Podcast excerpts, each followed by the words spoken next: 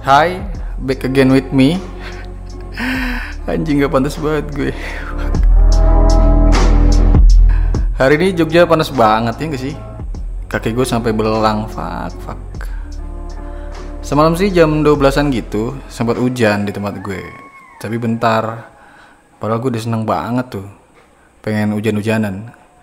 Pengen berteduh di bawah hujan, biar nggak ada yang tahu gue sedang menangis. Kok jadi A lagi di sih gue? Oke, hari ini gue mau sedikit ngulik atau ngasih respon ke salah satu film pendek yang tayang di YouTube. Judulnya Kukira Kau Rumah. Diproduksi oleh beberapa muda-mudi dengan semangat yang masih belum terdistraksi oleh peleter. Mereka menamakan dirinya RI Production. Dari judulnya aja nih, di mana ini mungkin cukup familiar buat lo yang suka skena musik indie-indie senja gitu. Film ini bercerita tentang hubungan asmara, asmara yang patah karena berekspektasi terlalu tinggi. Tak kira gue lagi omah ya, tempat aku bersandar ya, jebul, tukule suka teki. Film ini fokus ke tiga tokoh utama, ada Tasya, Raihan, dan Raka. Si Tasya ini menganggap kalau Raihan itu uh, tempatnya pulang. Jadi uh, Tasya ngerasa udah nyaman banget sama Raihan. Dikira mau ditembak, tapi si Raihannya malah nganggep Tasya layaknya tukang parkir yang berlalu begitu saja. Layaknya orang-orang yang kita temui di stasiun yang mudah dilupa begitu saja. Terus si Raka ini adalah teman dekatnya Tasya yang kemungkinan besar akan menolong Tasya dari kekalutannya itu. Sebab si Raka ini diam-diam juga naruh hati sama Tasya. Intinya itu. Dan gue mau coba spesifik ngerespon soal dinamika di film ini.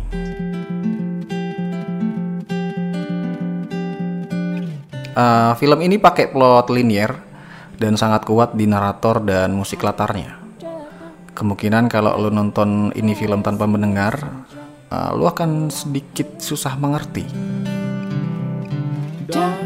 Lau ucuk-ucuk, tanpa ada dialog yang intens antara Tasya dan Raihan, tanpa ada kedekatan emosional, toto jadian aja mereka. Cuma modal, eh Tasya, sini tak bonceng, eh makan yuk. laki kardus yang si Rehan ya. Kayak siapa? Kayak Aan uh, penokohan yang dibangun juga menurut gue terkesan buru-buru. Dan film ini tuh pengen lu langsung paham ke intinya. Wes toh iki lo ngene alure. Uh, gitu rasanya gue sebagai penonton ya Gue malah suka kedekatan emosional yang dibangun di awal film antara Tasya dan Raka. Pelan-pelan bikin gue ngerasain apa yang mereka berdua rasain. Guyonan kecil, bahasa-bahasa ala-ala tanah abang, isyarat-isyarat receh tapi romantis. Dan seluruh kedekatan itu terputus di kedai kopi. Ya, fuck. Terus uh, film ini juga ngasih sebuah alternatif ending. Gue suka film-film yang kayak gini itulah kenapa gue sangat suka film-film Marvel. Dan ya gue rasa film ini berhasil untuk itu. Jadi di endingnya tuh muncul sesosok pria lagi ngeliat Tasya yang lagi galau hatinya.